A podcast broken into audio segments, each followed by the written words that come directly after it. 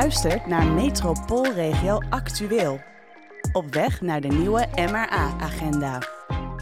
Welkom bij een nieuwe aflevering van Metropoolregio Actueel. In deze serie praten mijn gasten jou bij over allerlei thema's die spelen in onze metropoolregio Amsterdam. Vanuit verschillende perspectieven doen ze dat. Mijn naam is Frank Kromer en vandaag duiken we dieper in op het thema mobiliteit. Want eigenlijk kunnen we mobiliteit zien als de aders van de metropoolregio Amsterdam. Hoe gaan we ervoor zorgen dat onze regio nu en in de toekomst bereikbaar blijft? Want er gaat fors gebouwd worden en het OV kan ook wel een duwtje in de rug gebruiken.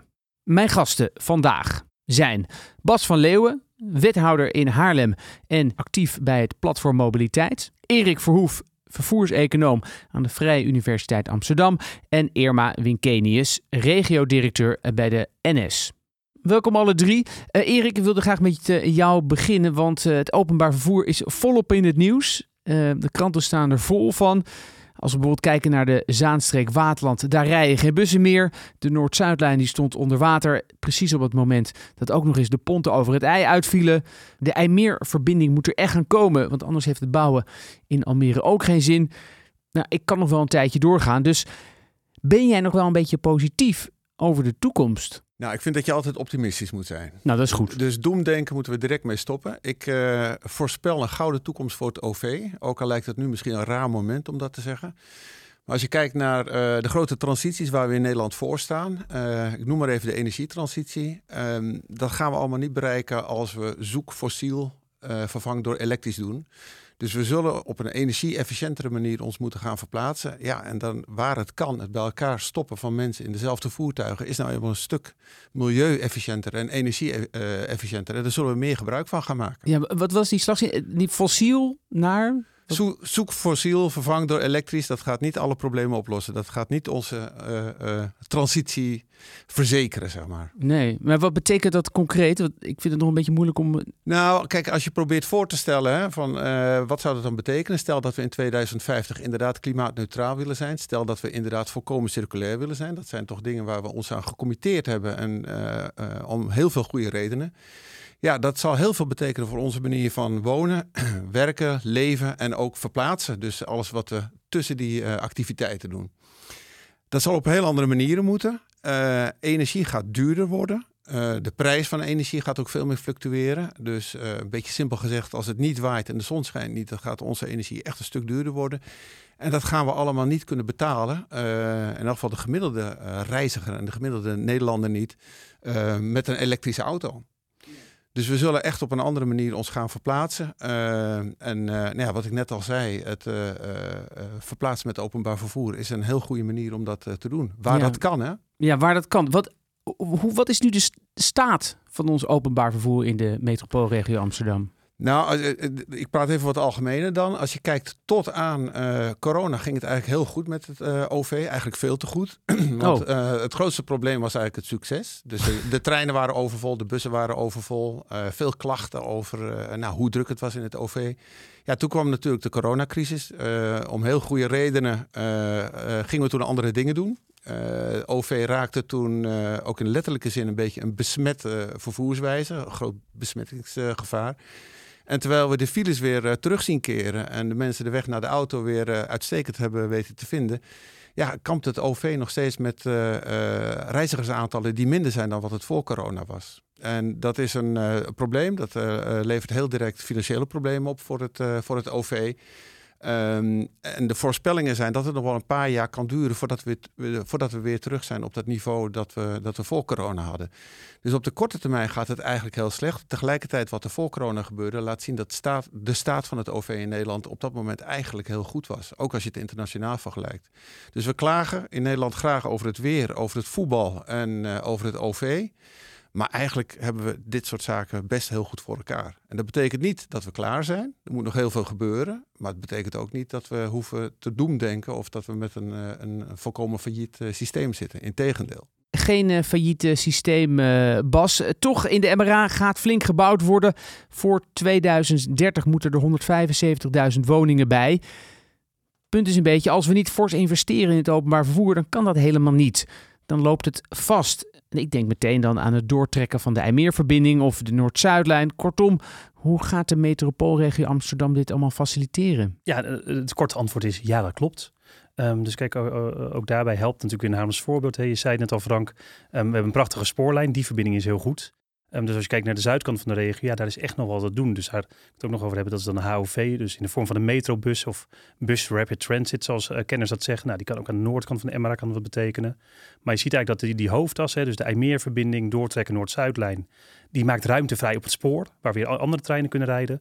En dat is eigenlijk een hoofdtas waarbij we ook aan heel Europa aangesloten zijn. Kan je dat misschien nog een klein beetje meer verduidelijken? Nou, stel je de kaart voor, ook voor de luisteraar. Nou, dan zie je een hele grote bubbel in het midden, dat is Amsterdam. En heb je aan die kust, daar heb je nu dus in dat de, de, oudste spoorlijn van Nederland. Alleen in de zuidkant, dus eigenlijk de mensen die in Heemstede wonen, aan de zuidkant van Haarlem, die veelal in de regio Amsterdam werken.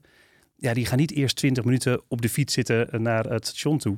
Nee, die willen eigenlijk gewoon, en dat zien we nu al met de HOV-buslijnen, dus dat is 346, 356, die zitten stampensvol met mensen die eigenlijk naar, naar Erik toe willen, naar de VU.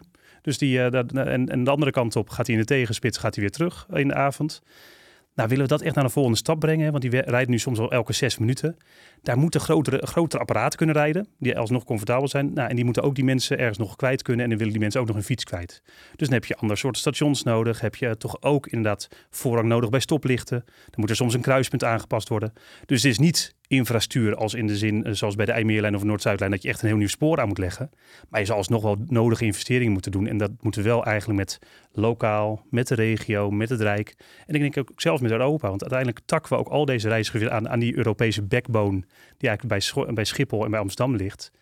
Um, om te zorgen dat het ook, nou, ook als ik nu bedenk, ik zou overmorgen wel uh, willen dineren in Parijs. Dat het niet meer loont om naar Schiphol te gaan en een vliegtuig te pakken. Maar dat het loont om met heel goed OV naar Schiphol te gaan.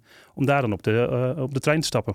Maar is het haalbaar, doortrekken van de Noord-Zuidlijn of die IJmeerverbinding? Financieel gezien, de grote projecten waarvan je zegt, nou, als we echt nieuwe, nieuwe wijken gaan bouwen, ja, die moet je ook aan gaan sluiten. En, en dat is nu echt een grote opgave voor 175.000 woningen. Nou, dat is niet niks. Nee, daar ben ik uh, kritisch, maar ook positief gestemd. Kijk, ik denk dat we uit een tijd komen waarbij uh, we een premier hebben gehad die uh, vaker heeft gezegd dat visie um, het zicht belemmert.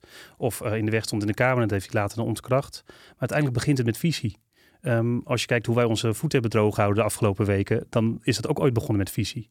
Als wij zeggen we willen een prettig leefbaar land zijn, waarbij mensen ongeacht inkomen kunnen reizen op een manier die zij willen, die ook past bij de, de leefbaarheid waar zij achter staan, bij de klimaatopgave, de energieopgave die Erik al aanhaalde. Ja, dan zullen we vanuit die visie, en die visie hebben we al opgeschreven. We hebben een Nationaal Toekomstbeeld Fiets. We hebben Nationaal Toekomstbeelden over OV en ook over de auto. We hebben hier een regionaal toekomstbeeld, wat we ook hebben overlegd met het Rijk natuurlijk. Het denken is al klaar. Maar nu vraagt om leiderschap, om het ook waar te gaan maken. Om te zeggen van ja, als we die 175.000 woningen duurzaam bereikbaar willen maken, als we het in een prettige stedelijke omgeving willen laten zijn, ja, dan moeten we het ook wel waar gaan maken. En dat gaat wat mij betreft meer over leiderschap dan over of het kan. Want dat we het kan hebben we de afgelopen 100 jaar wel bewezen. Irma, vorig jaar hadden u het plan om de spits te breken middels financiële prikkels. Uh, maar het duurde niet lang voordat jullie dat plan weer introkken. Is, is Nederland er niet klaar voor? Nou ja, dat, dat zou je kunnen zeggen. Het leidt tot heel veel discussie. Ik vind het ook echt heel erg jammer dat het zo gegaan is. Het is wel zo dat in de concessie staat nog wel beschreven dat we er wel opnieuw onderzoek naar kunnen doen. Want de, de bottleneck zit natuurlijk al gauw bij dat iedereen zich concentreert op, ik noemde ook al de onderwijzer, de politieagent, de verpleegster, dus de noodzakelijke beroepen, dat die dan ook ja, met een spitsheffing geconfronteerd zouden worden. Waarvan we ook zeiden, daar waren we nog bezig met dat uh, verder te verkennen. Dus het is niet in de vreselijke uitdrukking van de ijskast. Hè? Maar goed, het is niet volledig van tafel. Maar we moeten het, ja, denk ik, gewoon nog beter uitwerken. Zodat je ook duidelijk ziet dat het aantrekkelijk is voor de overgrote groep. Want los van die financiële prikkel, hebben jullie nog andere manieren om het gedrag van de reiziger te beïnvloeden? Nou ja, wat we nu doen is een, een paar dingen. Ten eerste denk ik altijd, hè, een goed eh, begin eh, is dat je zelf het goede voorbeeld geeft. Dus wij zeggen inderdaad bij ons directievergaderingen en T-vergaderingen, al die grote sessies waar heel veel mensen omheen hangen, die vinden niet meer plaats op de klassieke dinsdag of donderdag, allemaal op de woensdag en de vrijdag. Uh, we vergaderen ook niet meer voor negen uur op het hoofdkantoor in Utrecht. Dus er wordt echt, er is een nadrukkelijke oproep om buiten de spitsen te reizen. Maar ik vind het ook niet meer dan normaal dat je zelf als OV-bedrijf uh, niet uh, het systeem verder wil belasten. Maar goed, dat is dus wat we doen. En in dat verlengde ja, vervoer, vullen we ook heel veel, voeren we heel veel gesprekken met werkgeversorganisaties, onderwijsinstellingen, om hen ja, in beweging te krijgen. Maar dat gaat dan nog heel erg op de inhoud van. Hè, dat je ook zegt, hè, ook als bedrijf, je hebt een CO2-reductieopgave. Dus dat we mensen meenemen, op welke manier kan je dat dan doen? Nou, dat leidt ook vaak tot oplossingen dat mensen dan het OV gaan mijden. Terwijl uiteindelijk, ja, we hebben het al genoemd, het gaat ook om de betaalbaarheid van het treinkaartje. Dus we willen mensen ook niet wegjagen. Ze willen ze graag in het systeem houden, maar op momenten dat er nog ruimte is uh, in het uh, OV maar dat, ja, dat, dat vraagt veel efforts, omdat ja, ik, eh, wat mij wel verrast, we hadden het net ook al even over gedragsverandering in het voorgesprek. Uh, het verbaast mij namelijk wel dat mensen zo moeilijk hun gedrag veranderen. En hebben we corona gehad, of, of misschien pakken we alleen maar de dingen die heel direct voordeel voor ons hebben. Zoals het thuiswerken vinden heel veel mensen toch heel prettig, omdat je dan ondertussen ook nog de was kan doen en de kinderen opvangen en weet ik veel wat allemaal.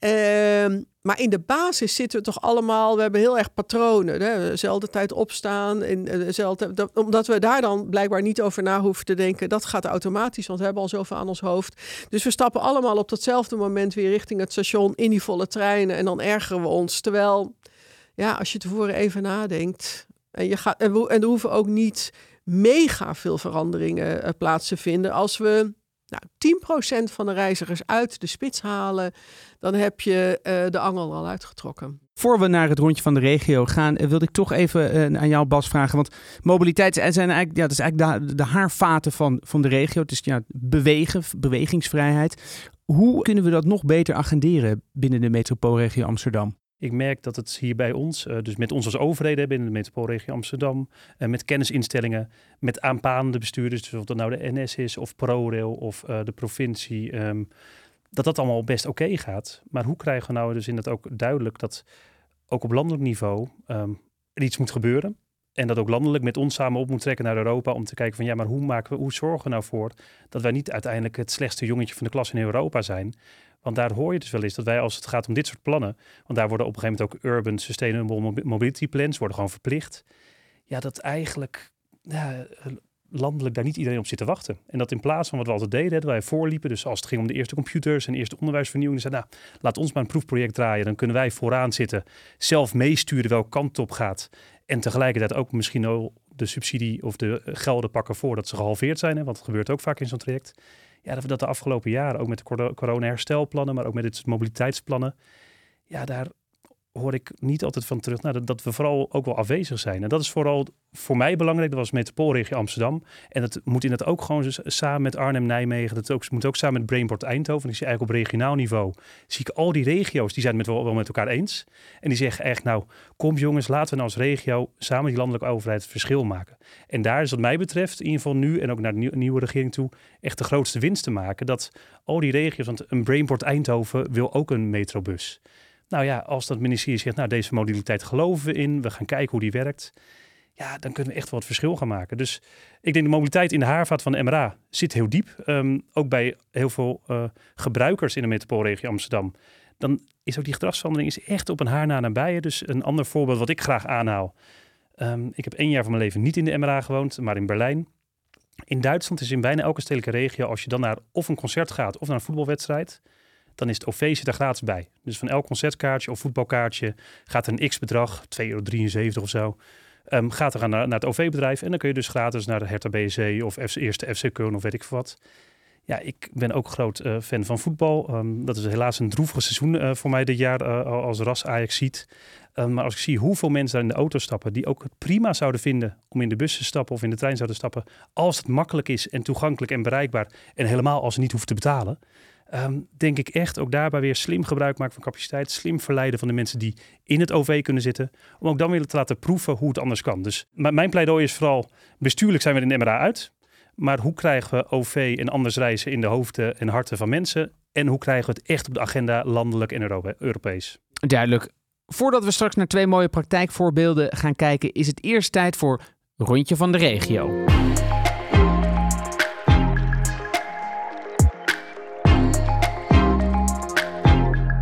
In elke aflevering bespreken we een stelling, namelijk het rondje van de regio. En deze keer luidt die: Het veranderen van gedrag is de sleutel om mobiliteit te bevorderen om de MRA op korte termijn bereikbaar te houden. We hebben twee inzendingen, laten we er eerst naar luisteren en dan mogen jullie alle drie reageren. Nee, ik denk dat gedragsverandering helemaal niet de sleutel is. Er moet gewoon meer asfalt komen. En dat duurt een tijd, dat begrijp ik. Maar je kunt ondertussen prima werken met meer spitsstroken. Dus het openen van de vluchtstrook als rijbaan.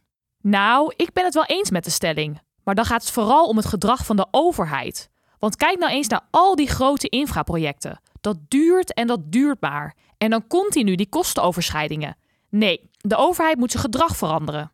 Erik, deze twee reacties. Als we naar de stelling kijken, wat, uh, wat vind jij ervan?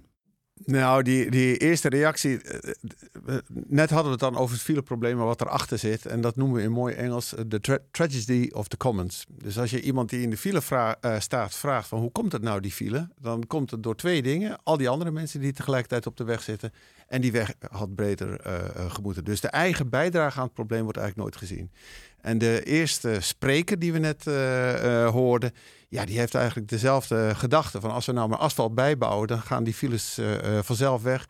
We proberen dat al sinds de jaren 50, 60. En eigenlijk wat je ziet is dat extra asfalt uiteindelijk alleen maar weer extra vragen uitlokt. Ja, Bas, eh, wat, uh, wat vind jij? Is het de sleutel, gedragsverandering? Um, ja, is het korte antwoord. Dus kijk, um, we, kunnen het allemaal zien. En nou, gelukkig zijn, uh, is de gemiddelde Nederlander genoeg bereisd om te zien dat het niet werkt. Als je kijkt naar een stad als LA, waar ze dit inderdaad wel hebben gedaan, dus telkens een strookje erbij. Er is gewoon een latente behoefte. Dan gaan er weer meer auto's die denken, dan kan ik dus ook in de spits rijden. Um, dus inderdaad asfalt erbij. Nog los van klimaat, duurzaamheid, waterberging, leefbaarheid, um, historische binnensteden. Um, het past gewoon niet in onze uh, ja, toch eigenlijk stadstaat die wij als heel Nederland zijn. Hè? Want als je gewoon, je hebt zo'n prachtige luchtfoto die onze eigen uh, astronaut heeft gemaakt we zijn hier in Delta. We zijn eigenlijk een soort van Hongkong, maar we denken dat we een heel groot land zijn met hele grote groengebieden. Ja, we zitten echt heel krap op elkaar. Dus we moeten heel zuinig omgaan met die tijd. Dus nee, het helpt niet. Het is geen verbetering en het leidt alleen maar tot negatieve effecten. Dus we moeten echt aan die gedragscomponent gaan kijken. Andere reactie was nee, het gedrag van de overheid moet juist veranderen. Want uh, bij elk infraproject uh, gaat het uh, miljarden over budget. Het duurt jaren en jaren en jaren. Dat is eigenlijk het grote probleem. Ik denk dat we dan weer terug zijn bij het punt wat we net ook noemden. Tariefdifferentiatie is bij ons even veel moeilijk. Aan de andere kant rekening rijden. De, plannen die er dus al vanaf Nederlandbos uh, liggen.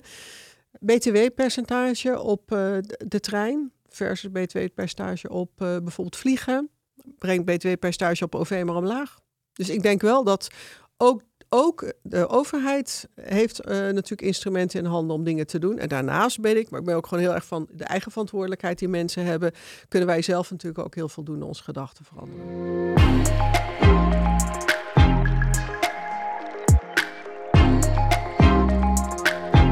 Mooi. Dat is een mooi bruggetje om naar het uh, tweede deel te gaan, uh, waarin we uh, dieper induiken op spreiden en mijden. We gaan naar twee voorbeelden kijken, naar bereikers en skip de spits. Irma, als we eens kijken naar bereikers, laten we daarmee beginnen. Dat is onderdeel van het overheidsprogramma Samen bouwen aan bereikbaarheid. En ik zag dit op hun website staan. Uh, helpt werkgevers in Noord-Holland kosteloos en resultaatgericht bij hun transitie naar slimme en duurzame mobiliteit. Nou, toen dacht je, wat ik, doen zij dan? Toen dacht ik, ik hoop dat Irma mij kan gaan vertellen wat ze precies doen. Ja. ja, dus zij gaan in gesprek met bedrijven, met werkgevers. En die uh, organisaties zijn natuurlijk altijd primair bezig om hun eigen ondernemingen te leiden. Maar zij gaan in gesprek over het gedrag van hun werknemers. En om ook echt gewoon te wijzen op voordelen die ze kunnen halen. A, moeten bedrijven natuurlijk een CO2-registratie gaan uh, doen. Nou, ook uh, handen in het haar, hoe gaan we dat doen? Dus daar helpt Rijkers ook bij. Maar ze ook, uh, ook meenemen in dingen als uh, een leaseauto. Daar ben je altijd nog steeds, de privékilometers die je daarmee maakt, die worden belast. Maar als je een treinkaart die je van je werkgever hebt, als je die ook privé gebruikt, wordt niet belast. Dus zij informeren ook vooral grote bedrijven, zij informeren de werknemers over de voordelen die er zijn van het OV. En zij praten dan zowel over uh, nou eigenlijk het, het, hele spectrum, hè, dus van slimme en duurzame mobiliteit. Maar praat ook over spreidingsafspraken. Dus uh, denk ook nog eens na hoe je de dingen georganiseerd hebt. Ze doen ook aan mijden van de spits, of überhaupt mijden van van, van, van mobiliteit. Want dat is natuurlijk de snelste winst uh, voor CO2-reductie. Maar goed, dus in, ze nemen eigenlijk het hele spectrum nemen ze door met een werkgever en begeleidt dus vervolgens werknemers. Ja. Dat klinkt eigenlijk heel, heel mooi, maar heeft het, heeft het impact? Ja, zij doen dit nu al bij 300 werkgevers volgens mij. Hebben ook al duizenden kilometers uh, uh, aan impact gerealiseerd. Dus nee, het gaat echt. ze doen het goed. Is dit zeg maar de, de sleutel, die werkgever, dat die, dat die een hele belangrijke ja, bondgenoot is? Ook daar gaat eigenlijk dat het een uh, samenspel is. Dus uiteindelijk is het natuurlijk de individu zelf, gelukkig, die de uh, beslissing neemt. Ga ik fietsen, ga ik met de OV, ga ik met de auto of wat dan ook. Maar de werkgever moet het wel mogelijk maken. En ik denk dat de werkgever meer mogelijk kan maken dan wat op dit moment nog gebeurt. Dus zorg er inderdaad voor dat hè, die automatismes van de, de, de teamvergaderingen die op maandagochtend of op donderdagochtend om negen uur zijn, ja, dat is helemaal niet nodig. Uh, zorg ervoor dat waar er flexibiliteit kan zijn, dat die ook geboden wordt. Dat mensen thuis kunnen werken, misschien niet eens de hele dag, maar een deel van de dag. Dus eerst even thuis de e-mail uh, beantwoorden. Desnoods met de collega's die je zo goed kent dat even Teamsen of Zoomen geen enkel probleem is, dat overleg thuis doen en dan pas naar het werk komen. Als je over allemaal dat soort kleine dingen nadenkt en die flexibiliteit biedt, dan kunnen we heel veel uh, bereiken. En ik zeg dat ook omdat, hè, wat het uh, werd al eerder gezegd, eigenlijk heb je maar nou, 5%, 10% van de spitsreizigers nodig die uit de spits gaat om het al veel beter te maken. Uh, wat ik ook op de uh, website van Bereikers las, is een, een, mooie quote van jouw MRA-collega Bas, Marja Ruigrok. En die, ik, ik zal hem nu even voorlezen in zijn totaliteit. De verstokte automobilist krijg je niet uit de auto. En dat hoeft ook niet. Maar je zou mensen wel kunnen verleiden om in plaats van die tweede auto een elektrische fiets aan te schaffen waarmee ze naar kantoor kunnen reizen. De medewerkers verleiden het OV te gebruiken, thuis te werken of buiten de spits te reizen, kan natuurlijk ook. Uh, dat ben ik toch wel interessant, want uh, ja, Haarlem is ook echt een autostad. Uh, jullie hadden, hebben nog steeds hele mooie plannen met parkeervergunningen, maar dat loopt allemaal niet zo heel soepel. er komt waarschijnlijk een referendum aan. het is best wel moeilijk om die Haarlemmer afscheid te doen laten nemen van zijn tweede auto. Ja, nou, er, er, zal inderdaad op 6 maart een uh, referendum zijn in Haarlem hierover. Want je ziet dat veel mensen dit aan het hart gaat. En daarbij zie je volgens mij ook iets heel begrijpelijks. Hè? Dat mensen die um, zijn gewend dat iets gratis was. Mijn auto parkeren altijd en overal waar ik dat kon. Dat we nu zeggen van ja, maar als we echt moeten kijken hoe, hoe delen we nou de ruimte in? En aan, wie geven die ruimte? Is dat aan waterberging? Is dat aan spelende kinderen? Of is dat nog geparkeerde auto's? ja, dan mag dat parkeren van die auto mag ook geld kosten. En dat is inderdaad wat veel mensen die hebben daar wel net een uh, sterke mening over. Ja.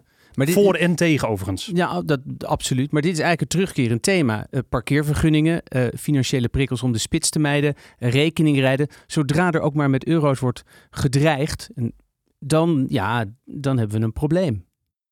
Ja, klopt. Dus mensen willen vooral, dus en, en eigenlijk, wij bieden dus ook met NS Voordeel heel veel voordeel aan in de uren buiten de spits.